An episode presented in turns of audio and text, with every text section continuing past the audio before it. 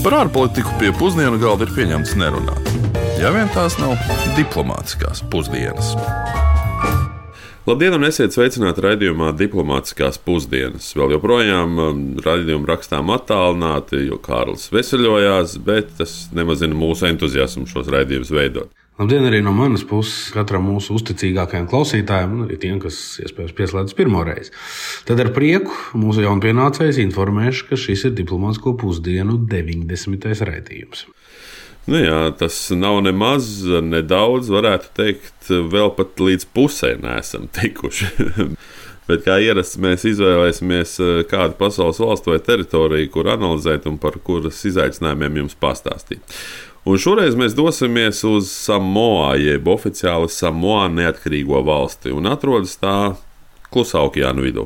Un, protams, šo okeānijas mm, salu komplektu nevajadzētu, kompleksu nevajadzētu jaukt ar relatīvi netālu esošo amerikāņu samoā, jeb ASV samoā, kas ir neinkorporēta ASV teritorija. Nu, šiem principam un teritorijām runājām arī raidījumā par Puerto Riko. Bet samojiešu etniskā grupa arī veido gandrīz visu 205 tūkstošu lielo valsts, samoā valsts iedzīvotāju skaitu. Un, starp citu, samojiešu grupai tautai pieder arī Kalifornijā dzimušais pasaules slavenais cīkstons un aktieris Dvens Džonsons. Nu, pa pusē tādā ziņā, ka viņa mamma ir samoa tautības. Jā, tie, kas nezina, kas ir Dvens Džonsons, citi viņu pazīst kā The Rock.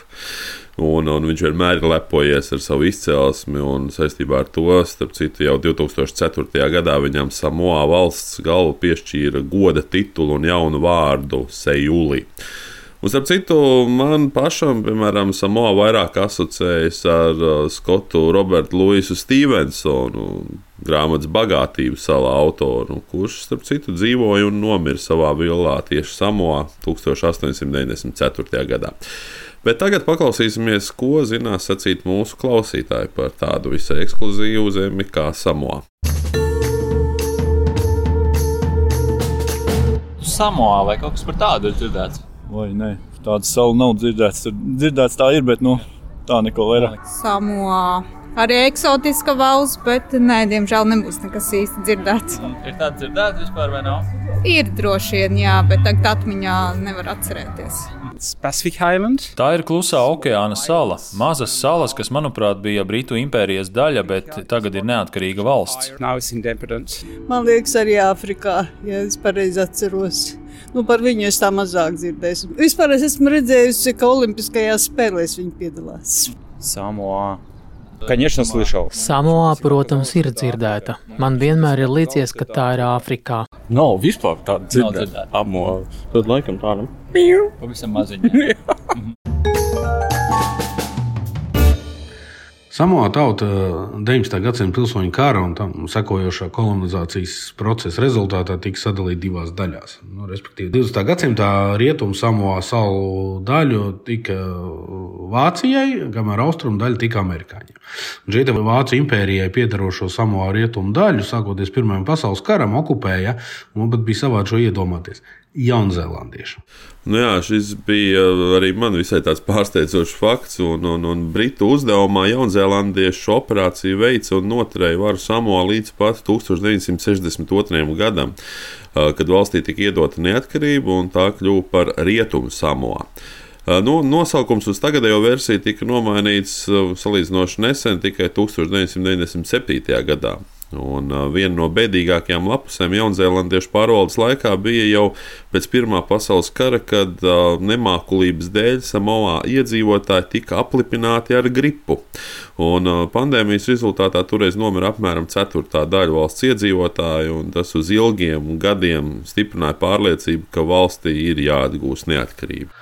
Jā, un ne tikai neatkarības jautājums šajā gadījumā ir būtisks. Nu, šis traģiskais notikums ir tik ļoti iespiedies tautas kolektīvajā atmiņā un apziņā, ka burtiski pagājušajā nedēļā valsts reģistrēja pirmo covid gadījumu un ieviesa stingru mājasēdi.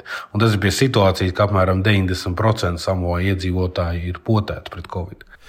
Nu, jā, mēs zinām, ka daudzas salu valstis, tostarp lielās, kā Austrālija, arī Jaunzēlanda, pret Covid pandēmiju arī attiecas ļoti nopietni. Jo, nu, jo, jo salas tomēr ir tāda ļoti saudabīga un diezgan noslēgta ekosistēma, kurā jebkurš ārējs apdraudējums var izraisīt visai neparedzējamas sekas. Jā, bet ne gluži kā ārste, bet tomēr kā starptautisko attiecību eksperti nedaudz parunāsim par samo piekoptajām attiecībām ar, ar, ar citām valstīm. Un, starp citu, neatkarīgi no pašas valsts veiktajiem nosaukumu izmaiņām un maiņām, ANO sistēmas ietvaros samo tā arī vienkārši sauc par samo.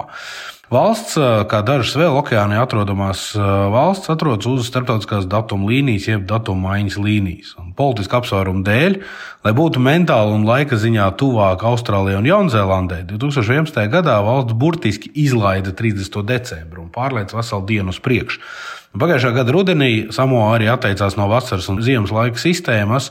Un, uh, amerikāņi Samoa, protams, kas ir blakus esošā, dzīvo vēl joprojām iepriekšējā dienā, jo ir ekonomiski tuvāk ASV. Bet nu, pati, pati Samoa neatkarīgā valsts izdomāja, ka šāds gājiens viņiem nāks par labu. Nu, bet tas viss, lai būtu tuvāk ekonomiski svarīgajām kaimiņu valstīm, un Samoa neatkarīgās valsts lēmumu par laika zonām ir piemērs tam, cik laika skaitīšana patiesībā ir subjektīva lieta un ir pakļauta ekonomiskajām vajadzībām. Bet par ekonomiku tieši runājot, Samoa saskars ar līdzīgām problēmām kā kaimiņu valstis Kiribati vai Fidži, par kurām arī mēs jau esam runājuši iepriekš. Nu, proti, postošas klusā okeāna vētras, zemestrīces, tsunami - tās ir būtiskas problēmas infrastruktūras un ekonomiskās darbības nepārtrauktības uzturēšanai. Nu, piemēram, 2009. gada septembrī notikusī zemestrīce smagi ietekmēja gan Samoa, gan Amerikas Samoa tika sabojāta ne tikai transporta un loģistikas infrastruktūra, bet arī elektrības ražošanu. Nu, papildus tam vēl simtiem cilvēku gāja bojā, un uh, arī 2012. gadā tropu ciklons Evans nopostīja apmēram pusotru tūkstošu māju. Jā, ņemot vērā, ka valstī nav arī daudz derīgu izrakteņu, samo ekonomika ir visnotaļ trausla un, acīm redzot, no dabas labvēlības un klimata atkarīga. Vēl precīzāk sakot, tā ir atkarīga no ārvalstu sniegtās attīstības sadarbības programmās, finanšu palīdzības un naudas, ko lielā samo diaspora pasaulē sūta uz mājām. Nu, protams, ir arī turisma industrija, lauksaimniecība un zvejošana kā būtisks eh, ekonomisks sastāvdaļas. Faktiski ap 90% no kopēja eksporta veido tieši lauksaimniecības un zvejošanas produkti, zvejniecības produkti. Galvenie tirzniecības partneri amerikāņu Samoā, tas nav pārsteigums, bet arī Jaunzēlanda, ASV un Fidži. Un starp eksporta produktiem ir ne tikai zivis, sūs un kokosrieks teļi, bet arī alus. Nu jā, tieši samo ražotājs vai Lima Beer tiek uzskatīts par labāko visā okeānijas reģionā. Bet par dzērieniem vēl turpinot, nevar neparunāt arī par Coca-Cola un uh, tās negatīvo efektu uz veselību, vai šoreiz konkrētāk uz vidi. Nu, proti, Coca-Cola neslēdz lēmums mazināt stikla pudeļu ražošanu un palielināt plasmasas pudeļu ražošanu.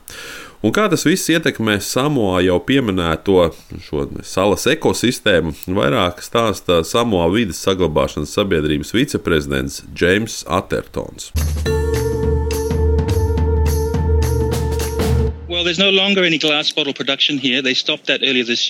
Pašlaik mūsu valstī vairs netiek ražotas stikla pudeles, un tagad visi Coca-Cola, Sprite un Fanta produkti tiek importēti no Jaunzēlandes vai Fidži. Tas nozīmē arī milzīgu plastikāta pudeļu īpatsvara palielināšanos, un tas ir ievērojami palielinājis jau tās problēmas, kas mums bija. Mēs esam atteikušies no sistēmas, kas kopumā no vidas aizsardzības viedokļa bija ļoti efektīva. Diemžēl Coca-Cola un citas lielākās dzērienu ražošanas kompānijas kompānijas visā pasaulē atsakās no stikla pudeļu izmantošanas, un Samoā bija viens no pēdējiem cietokšņiem. Tagad mums visi dzērieni ir plastmasas pudelēs, un tieši tāpēc mēs esam vērsušies pret Coca-Cola. Cilvēkiem bija motivācija rūpēties par stikla pudelēm, jo par tām varēja saņemt depozītu, tās varēja nodot un izmantot atkārtoti. Tagad šādas motivācijas vairs nav, un mēs lielu problēmu esam padarījuši vēl lielāku. Viņi tiešām ir sabojājuši sistēmu, kas strādāja ļoti labi labi, un tā vietā, lai problēmu risinātu, viņi to ir radījuši. Mums Samoā nav iespēju pārstrādāt plasmasas pudeles, un tās ir jāeksportē uz Dienvidaustrumāziju. Šāda pārvadāšana arī noteikti atstāja iespēju uz klimatu. Otrakārt, mēs esam atteikušies no inertas vielas, stikla, kas nonākot atkritumos neradīs toksiskas vielas. Tā vietā mēs izmantosim plastmasu, kas var būt kaitīga, un lielākajā vairumā gadījumu šīs pudeles tiešām tiek izmantotas tikai vienreiz, lai ko arī neteiktu Coca-Cola. No pieredzes varu teikt, ka jau dažas dienas pēc stikla taras aizlieguma man blakus esošajā sporta kompleksā strauji palielinājās plastikāta pudeļu skaits atkritumos. Mēs, protams, atbalstām Coca-Cola centienus veicināt pārstrādi, taču skarbā realitāte ir tāda, ka paies vēl daudzi gadi, līdz mēs vairumu no šīm pudelēm vispār būsim savākuši un pārstrādājuši. Tāpēc mēs vēlamies, lai Coca-Cola un citas lielās kompānijas uzņemas lielāku atbildību par tiem produktiem, kurus tās ražo, un tiem materiāliem, kurus tās izmanto. Nedrīkst visu atbildību uzvelt tikai sabiedrībai. Mēs gribētu, lai viņi pārdomā globālo pāreju no stikla uz plasmasas pudelēm. Mūsuprāt, ja viņi atgrieztos pie stikla pudelēm, viņiem būtu konkurences priekšrocības, jo ir ļoti daudz cilvēku, kuri Coca-Cola labprātāk dzertu tieši no stikla pudelēm.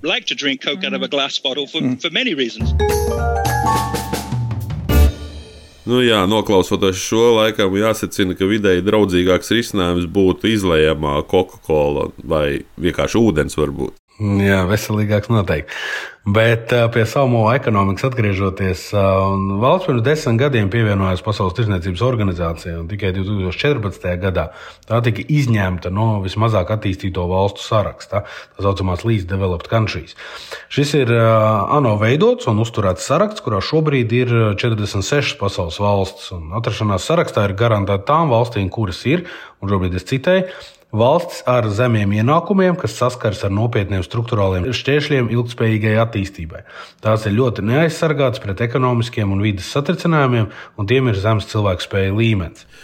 Samo šajā sarakstā vairs nav, bet tas īsti nemaina lietas būtību, jo valsts iekšzemes koprodukts uz vienu iedzīvotāju ir nedaudz virs 6000 eiro. Un, uh, nu, rupi reiķinot, tas būtu mūsu pašu latgalē, jo kopējais Latvijas rādītājs tomēr ir apmēram 5 reizes lielāks.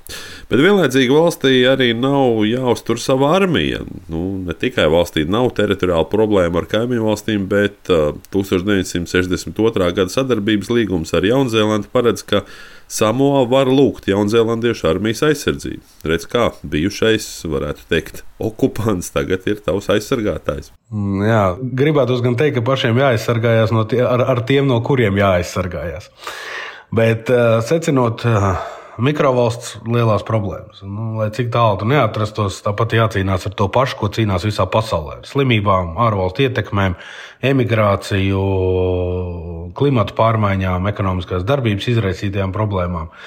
Bet eh, ar ārvalstu atbalstu mazā demokrātiskā valstiņa ar cilšu vecāko veidotu 51 cilvēku parlamentu tāpat tur savu valstiskumu un pretojas ikvienam centienam to mazināt. Nu, kārtējs pierādījums laikam valsts ir tik stipra, cik pārliecināta par to ir tās iedzīvotāji.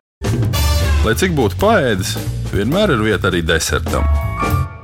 Nu, tādēļ desertā arī gribētos par dažām no samo tradīcijām, par slavenā Fā Samoa, jeb samojiešu ceļš dažiem elementiem, kas ir ne tikai politiskajā pārvaldē, bet arī sadzīvē. Un šoreiz tomēr nestāstīsim par aptuveni 2000 gadu senajām tetovēšanas tradīcijām, vai par salmu vai audumu svārciņiem vīriešiem. Tie saucas lava lava, un tos varot redzēt pat vīriešu policistu tērpos. Jā, bet parunāsim par šo dzimumu piederības zīmi, ja tā drīkst izteikties, izplūdušo raksturu samoā sabiedrībā. Tas viss sākās ar to, ka samojiešu ceļa pamatā ir princips mēs, nevis es. Ik viens ģimenes un cilts loceklis ir jāiekļauj un nav atstumjams, un tā ir būvēta sabiedrība. Katram ir sava ekonomiskā un funkcionālā loma. Tādēļ samoā ļoti iecietīgi izturas pret sievišķīgiem vīriešiem, kas šeit pazīstami kā fafī. Šādi vīrieši tiek uzskatīti par trešo dzimumu. Jo tradicionālā kultūrā tie nav ne vīrieši, ne sieviešu dzimtai piedaroši, un, tas vienlaicīgi arī nenozīmē, ka tie ir homoseksuāļi. Un iemesls šai tradīcijai ir meklējums audzināšanā, un, un ekonomika arī. Jo, proti, ģimenēs, kur bija vairums puiku, jaunākais tika audzināts kā meitene, lai palīdzētu īstenot nu, tā saucamos sieviešu darbus mājās. Es biju liktos, ka ļoti progresīva sabiedrība, bet tāpat tās dzimumiem piekrītoši pienākumi ir iestrādāti sabiedrības domāšanā. Nu, jāsaka, gan, ka ne visi mājas darbi, gan ir sievietēm vienmēr piekrītoši arī samoā sabiedrībā nu, tā saucamās paplašinātās samoā ģimenes jaunekļi pulcējas kopā, lai svētdien rītos sagatavotu umu stundas pirms svētdienas ģimenes mīlestība. Umu ir tradicionālā maltīte, ko stundām ilgi cep zemē esošā cepeškrāsnī. Nu, tas gan ir diezgan pasmags darbs, jo paredz zvejošanu, gaļas ciršanu, tāro sakņaugu, jeb ziloņa ausu šķēlēšanu un arī kokosriekstu lobīšanu. Tā kā nu, sieviešu pēdiņās tas tāds ļoti stiepts jēdziens. Un ar šo mēs arī noslēdzam šodienas raidījumu. Nākamnedēļ dosimies uz valsti, kas no Samoa ir rel relatīvi netālu, bet ar ko ir viena no unikālajām pasaules valstīm, to, ka tā ir transkontinentāla. Nu, dosimies mēs uz Panamu. Bet līdz tam, lai viss mierīgi. Atgādināšu vienu, ka šo raidījumu veidoja dr. Kārlis Bukovskis no Latvijas ārpolitikas institūta un Rīgas Stradiņu universitātes, un es Uģis Lībijams, tepat no Latvijas radio. Mums palīdzēja arī kolēģis Rihards Plūmē. Klausieties mūsu raidījumu atkārtojumos Latvijas Rādio 1 mājaslapā, portālā LSMLV, kā arī podkāstos jums iecienītajās mūzikas straumēšanas vietnēs. Uz sadzirdēšanos jau pēc nedēļas. Diplomātiskās pusdienas katru otrdienu pusdienos Latvijas Rādio 1.